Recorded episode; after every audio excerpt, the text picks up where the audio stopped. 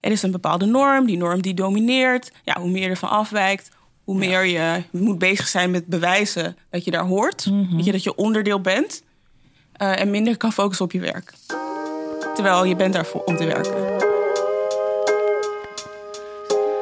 Hallo, ik ben Christian Niels. Welkom bij alweer de laatste aflevering van de podcast Beste Collega. In deze reeks ga ik samen met Talita Muse in gesprek met mensen die actief zijn op het gebied van diversiteit, inclusie en gelijkwaardigheid. Zelf heb ik binnen Triodos Bank stof doen opwaaien door een blog te schrijven over mijn ervaring als zwarte vrouw bij een overwegend witte bank. Hierdoor ontstond er binnen de organisatie het gesprek om diversiteit en inclusie meer te verankeren. Deze podcast is een manier om dit gesprek voor te zetten. Ik ben Talita Muse. Ik werk als ondernemer aan het vergroten van de stem van jongeren op plekken van besluitvorming. De jonge generatie heeft hoge verwachtingen van organisaties als het gaat om inclusie en diversiteit. En terecht. Het is tijd voor verandering.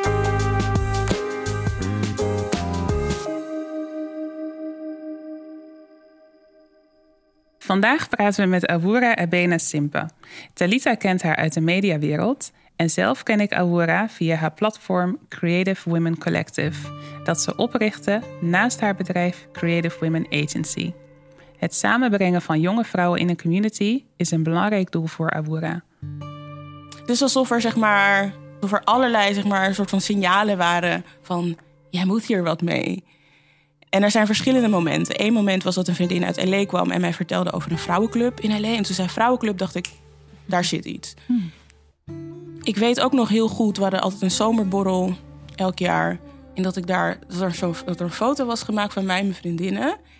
En dat was zeg maar echt de meest diverse, geïnspirerende, creatieve club bij elkaar. Gewoon dat beeld, dat is eigenlijk de uitvergroting van de community Creative Women Collective. Dus het waren, ja, er waren een soort van signalen op mijn pad die zeiden van jij moet hier wat mee. En dus toen zijn die zaadjes al geplant. En nog voordat ik die eerste stap of überhaupt wist wat ik wilde, waren er eigenlijk al signalen van hé, hey, jij, jij vindt dit interessant, er zit iets.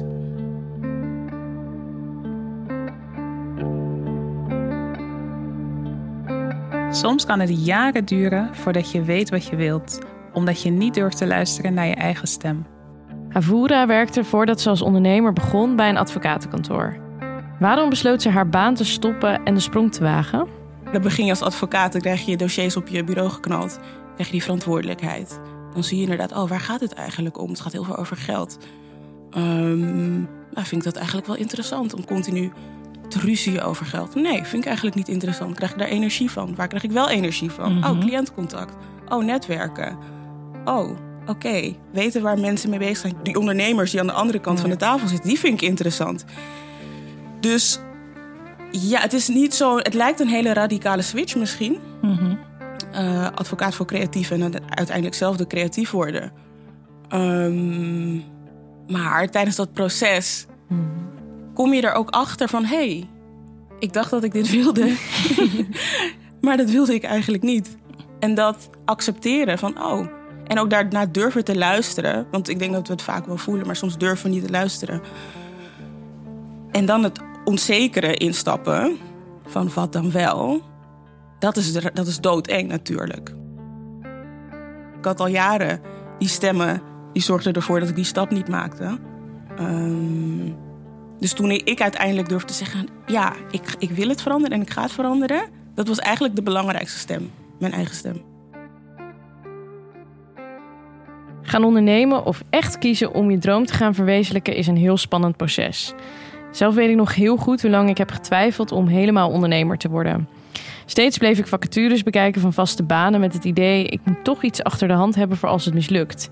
En ook mijn ouders bleven me vragen: wanneer ga je een baan zoeken? Ik vraag me af wat Avura de moed gaf om haar eigen stem te volgen. Ik had toen echt een honger naar verhalen van mensen die sowieso een switch hadden gemaakt. Daar had ik echt hele grote behoefte aan. Maar überhaupt allerlei verhalen die gingen over ontwikkeling en over mindset. Dus ik weet nog dat het boek van Carol Dweck, Growth Mindset en de Fixed Mindset, of Mindset Ja. heet het, dat dat een belangrijke eerste stap was. En toen, nou, als je eenmaal in die, die ontwikkelings, eh, in die ontwikkelingshoek duik, dan kom je allerlei boeken tegen. Nou, Brene Brown kwam toen ook op mijn pad. En toen ontdekte ik dus waar bij mij het knelpunt zat. Dat zat hem in dat niet kwetsbaar durven te zijn. Dat niet uh, in dat onzekere te durven te stappen. In, um, ja, eigenlijk dat masker af te zetten en zeggen van... hé, hey, wat zit er achter dat masker, dat corporate masker, rechte bubbel? Wat zit erachter? Wie, wie, zit, wie is die persoon erachter? En eigenlijk mijn eigen identiteit omarmen. En dat kwetsbaarheid en kwetsbaar opstellen, als je dat niet doet en dat niet durft, dan zie je ook geen keuzes maken die gekoppeld zijn aan risico nemen. Dus toen dacht ik van, oh ja, inderdaad, ik durf helemaal niet kwetsbaar te zijn. Ik durf helemaal niet mezelf bloot te stellen. Ik ben eigenlijk altijd maar, weet ik veel, 33% van avoeren aan het laten zien. Waarom is dat eigenlijk? Ik was zo perfectionistisch. Ik was zo ontzettend perfectionistisch. Alles moest perfect, alles moest in controle. En dat kan niet natuurlijk, haha. Welkom bij het leven. um, En toen dacht ik, holy shit, jij, jij moet die imperfecties gaan omarmen. Om te ontdekken waar jouw krachten zitten. De community die Awura heeft gecreëerd is een plek waarin zij kan ontdekken wie zij is en andere vrouwen kan helpen zichzelf te zijn. Als mens willen we graag ergens bij horen en door de norm geaccepteerd worden. Maar wat als je niet bij de dominante cultuur past? Er is een bepaalde norm, die norm die domineert. Ja, hoe meer je ervan afwijkt, hoe meer je moet bezig zijn met bewijzen dat je daar hoort. Mm je, dat je onderdeel bent. Uh, en minder kan focussen op je werk. Terwijl je bent daarvoor om te werken. Ja. Weet je, en oké, zwart, jong, vrouw. Ja, dat betekent inderdaad dat je inderdaad met MeToo gerelateerde zaken te maken krijgt. Terwijl je gewoon ja. een dag op kantoor bent. Um, of dat je misschien in cliëntcontact bepaalde opmerkingen krijgt of niet hetzelfde respect krijgt op basis van je leeftijd. Of dat je een opmerking krijgt over je haar. En dat zijn allemaal hoepels en blokkades en drempels waar je continu over aan het struikelen bent, terwijl je eigenlijk gewoon rechtdoor wil lopen en gewoon je werk wil doen. Mhm. En dat is heel frustrerend. Dus ja, dat heb ik ook inderdaad in de advocatuur ervaren. En je wilt jezelf zo veel mogelijk neutraliseren. Dus dat bedoel ik dan met het masker. Je wilt zoveel mogelijk zijn als de norm. Voor mij uitte zich dan ook bijvoorbeeld in het gedrag. Weet je, wij hebben echt een macho cultuur. Ik werk alleen maar met mannen. Weet je, je wordt dan ook beloond als je inderdaad gedraagt zoals de norm. Weet je, dus als je lekker een pittig telefoongesprek iemand helemaal verbaal afmaakt, word je daar, word je, krijg je gewoon applaus daarvoor. Terwijl, is dat wie Avura is? Nee, totaal niet. Ik wil niet mijn verbale capaciteiten gebruiken om iemand anders kleiner te maken. Dus je kwam eigenlijk ook van jezelf af te staan. Ja. Door jezelf eigenlijk een beetje. Ja, dat ik dacht van wie ben ik? Wie, welk leven leid ik nu? Is dit, ga ik dit volhouden? Wil ik dit wel volhouden? Allemaal vragen. Ja, ik raakte steeds verder verwijderd van mezelf. Door dus zoveel mogelijk als de norm te willen zijn. Terwijl ik zou nooit die norm zijn. Niet bij de norm horen kost veel energie. Zoals Avura eerder zei, je bent in plaats van je werk te doen, meer tijd bezig met erbij horen en geaccepteerd worden. Ja, ik denk een van de belangrijkste emoties die ik ook voelde in die tijd was eenzaamheid. Heel eenzaam. Vooral in het eerste half jaar, toen ik nog niet bezig was met de beroepsopleiding en nog geen ehm, ja, leeftijdsgenoten had met wie mhm. ik van alles kon delen van hoe het is om te beginnen je voelt je heel alleen. Weet je, zoveel afstand tussen jou en je collega's qua leeftijd, qua wereld, qua alles. Dus wat mij zou hebben geholpen is, zijn mensen um, die zich ook kunnen inleven in mij. Dus dat kan zijn dat, dat, er meer mensen waren van jongere leeftijd. Dat er meer vrouwen waren op verschillende posities. Want nu waren alle vrouwen die er werkten, waren de secretaresses. Mm dat er meer mensen waren met culturele diverse achtergrond. Want dan kun je dus, dan voel je niet een gekke wanneer je een bepaalde opmerking naar je hoofd krijgt. En dan niemand die daar, die daar vreemd van opkijkt, alleen jij denkt van dit klopt niet. Dan kan je, heb je een klankbord ja. waar je mee in gesprek kan. Dus echt die diversiteit in leeftijd, gender en culturele achtergrond, dat zou al een wereld van verschil maken. Gewoon puur om dat gevoel van ik ben alleen, ik sta hier alleen voor, ik ben alleen om het vechten. Heeft het wel zin om te vechten? Ik wil allemaal niet vechten, ik wil gewoon werken. om dat proces uh, te kunnen doorstaan eigenlijk. En nou, dan heb je nog het punt van de hiërarchie in de, in de advocatuur. Dat komt er nog ook uh, bij kijken. Ja, ik denk dat daar ook wel flink uh, aangesleuteld mag worden. Het feit dat je gewoon plap dossiers ja. op je bureau krijgt van succes ermee. Ik ga lekker skiën of naar New York. Ja, ja. dat, dat, is, ja, dat was gewoon zo. Ja, oh, dat ja. niet. Succes ermee. En dan af en toe een appje is geregeld. Ja. En zeker met het oog op um, jonge Avura. Van wat had ik nodig om helemaal niet in die advocatuur terecht te komen. Ja. Ja. Um, en veel eerder te durven en die sprong te durven te maken. Dus dat het geen sprong zou zijn, maar een stap.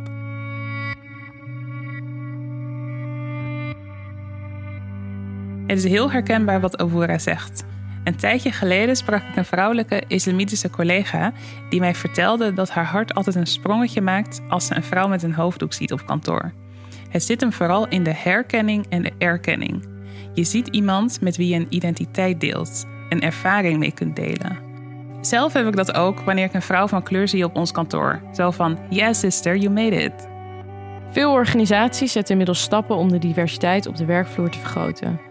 Maar daarmee ben je er nog niet. Hoe zorg je ervoor dat iedereen zich ook thuis voelt? Ja, dat is onderdeel van mijn missie geworden. Het was eerst was het heel erg vanuit mezelf en ik mm -hmm. wil zelf die behoefte en wil zelf dat voor die mensen doen. En nu ga ik inderdaad iets meer terug naar dan die corporate achtergrond. En inderdaad, ja, ik wil dat als ze er zijn, dat ze opgevangen worden. Dat, dat er wordt gewerkt aan de cultuur waarin ze werken.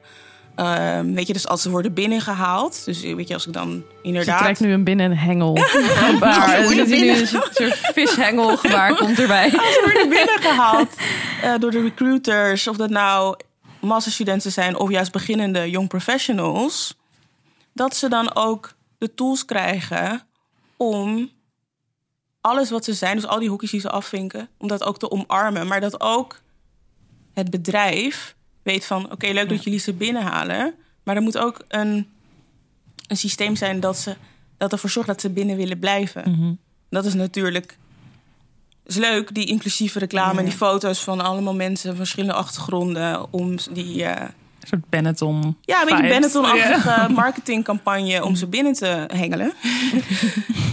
Maar als ze binnengehengeld zijn, willen ze dan ook daar blijven? Wat doe jij zodra ze over de drempel zijn? Ja, dat Toch? Het is namelijk ook iets waar ik zelf heel veel over nadenk in mijn nieuwe functie. Van enerzijds dan zit je met directeur aan tafel, CEO's en mm -hmm. dan heb je allemaal goede gesprekken, mm -hmm. Mm -hmm. meestal. En meestal inderdaad. um, maar ja, voor mij zit daar soms ook gewoon een, een, een frustratie dat ik denk, ja het is leuk, maar ik ben wel weer zeg maar de token, de ja. enige persoon die uh, vanuit mijn perspectief, mijn ervaring iets deelt. En dan ja. soms dan zie je kwartjes vallen en soms dan duurt het inderdaad een tijdje. Ja. Ik denk uiteindelijk gaat het erom wie heeft de macht. Mm -hmm. En als je alle touwtjes in eigen handen hebt, heb je natuurlijk alle macht om alles te bepalen. En als je de machthebbers, om het zo maar te zeggen, komt adviseren, ja, dan leg je het in hun handen. Mm -hmm. wat, wat, is het belangrijkste advies wat jij een, een, een machthebber, een decision maker hebt gegeven? Wanneer die vragen, wat moet die eerste stap uh, zijn binnen onze organisatie? Ik denk het belangrijkste advies is dat het bij die persoon zelf begint. Bij de wereld van die persoon zelf. Wow, hoe ziet jouw wereld eruit?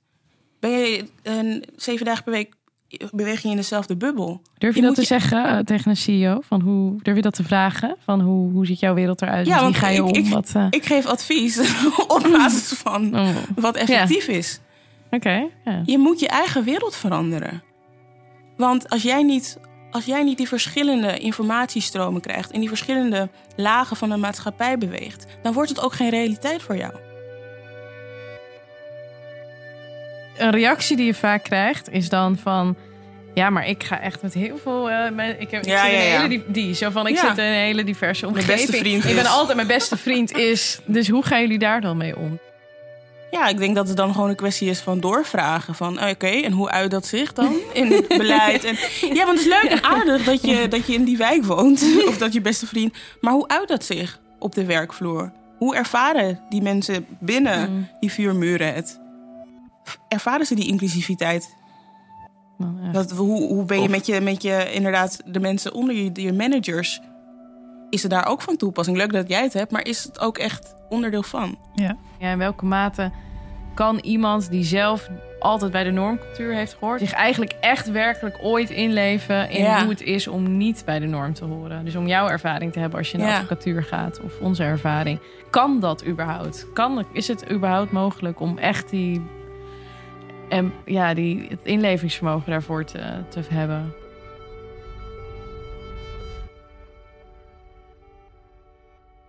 Om heel eerlijk te zijn, word ik soms moe van de opmerkingen van mensen over inlevingsvermogen. Bijna alsof het verwarren met empathie. Mensen zeggen soms tegen me: Oh, ik heb dit boek gelezen over zwarte mensen en nu heb ik een veel beter beeld van jouw ervaring. Of iemand zegt: Ik zal me nooit kunnen inleven hoe het is om jou te zijn, want ik ben nu eenmaal geen vrouw, niet zwart, niet geadopteerd. En tegen die mensen wil ik zeggen dat de focus niet moet zijn op jouw inlevingsvermogen, maar dat ik vooral wil dat iemand zijn, haar of diens positie durft in te zetten in de strijd voor gelijkheid.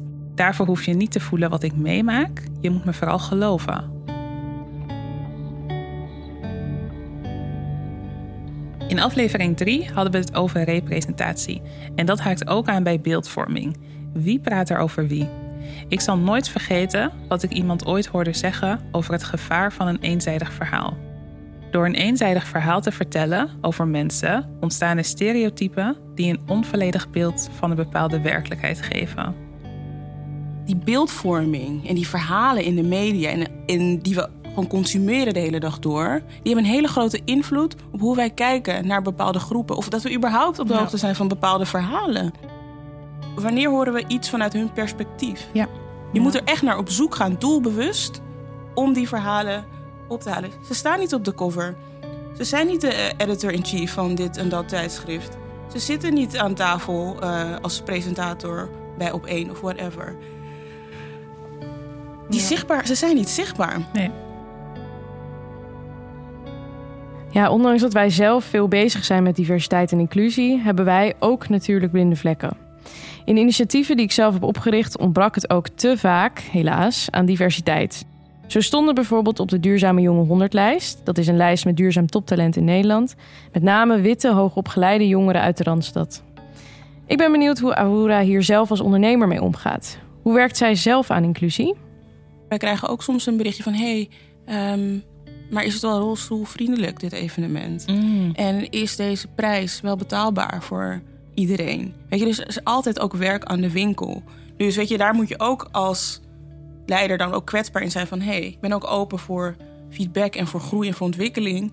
En het is niet zo van, nou, ik, heb, eh, ik ben er nu en klaar en eh, de rest is Ja. allemaal, eh, loopt achter of zo. Nee, Waarschijnlijk is inclusiviteit nooit af. juist. Het is nooit, want er is Juist. altijd meer Ja. wat je kan doen om het Juist. voor iedereen.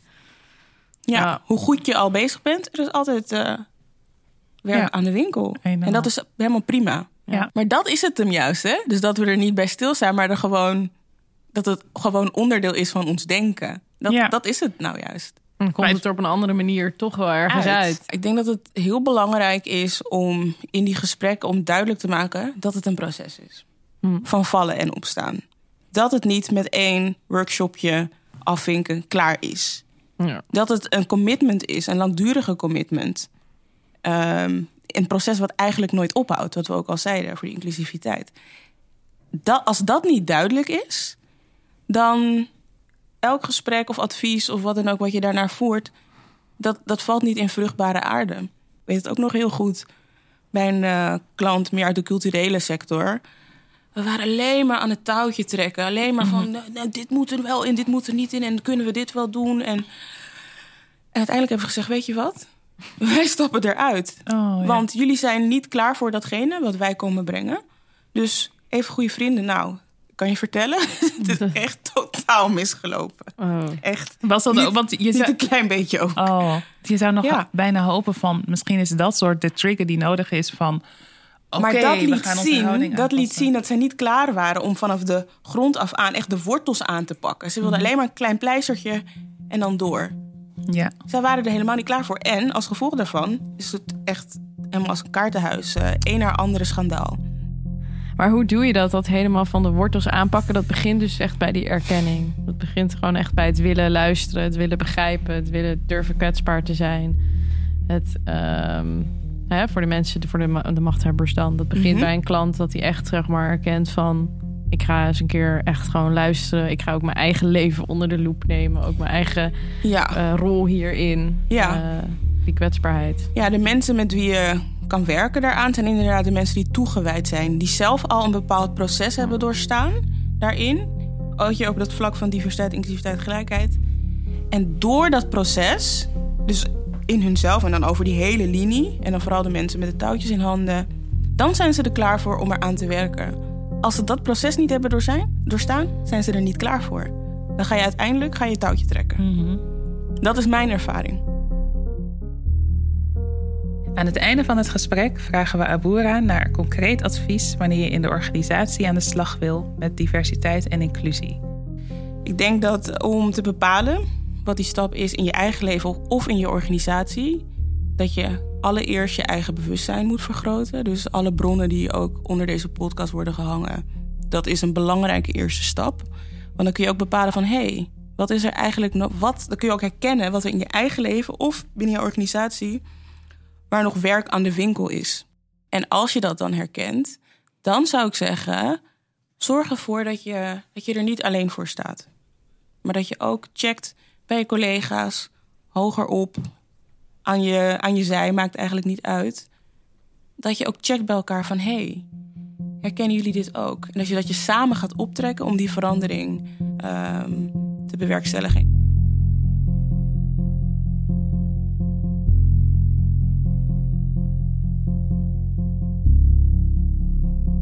Avura maakt een hele treffende opmerking over het belang van diversiteit op de werkvloer. Het is belangrijk dat er mensen zijn die op een bepaalde manier op jou lijken qua achtergrond, zodat je jouw observaties en ervaringen kan toetsen. Anders kan je onterecht gaan geloven dat er iets mis is met jezelf. Iedereen heeft behoefte aan herkenning en erkenning.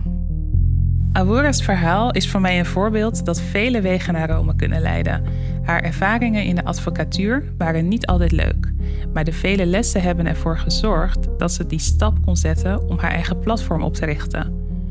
Voordat ik mijn blog schreef, maakte ik me binnen Triodos Bank soms onzichtbaar door onopvallende kleding te dragen en weinig te praten, omdat ik wilde voorkomen dat er racistische of discriminerende opmerkingen werden gemaakt.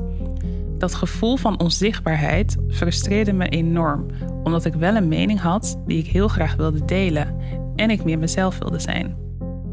Door de blog werd ik in één klap zichtbaarder in de organisatie en ik leerde wat de veranderkracht van mijn woorden kan zijn. En dat er ook mensen waren die wilden luisteren.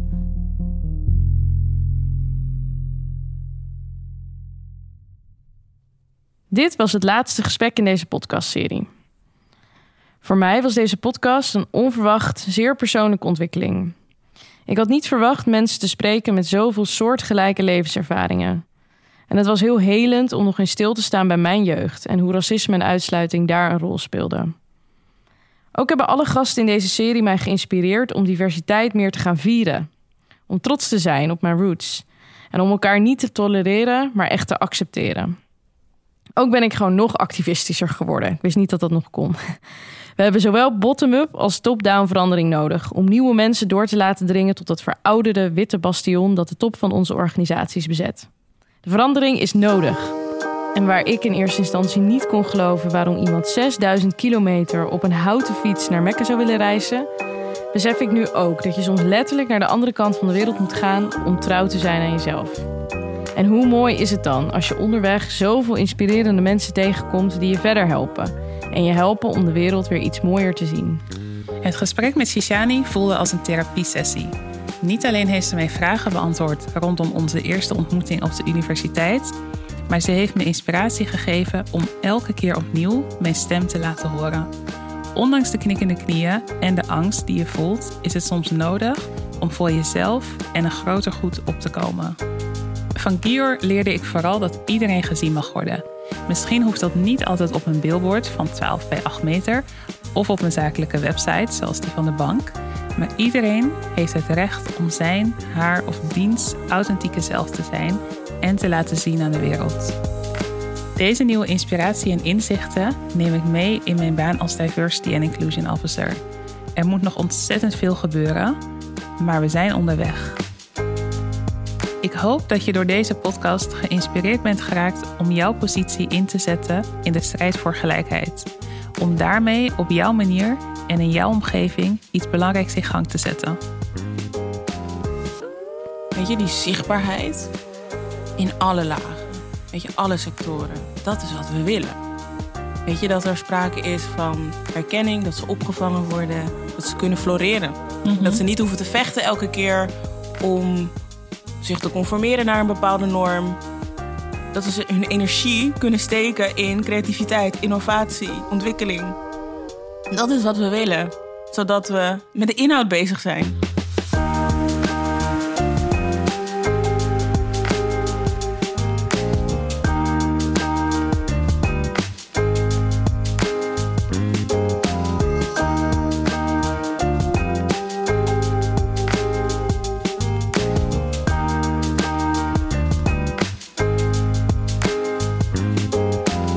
Beste collega werd gepresenteerd door Talita Muse en door mij, Christian Niels.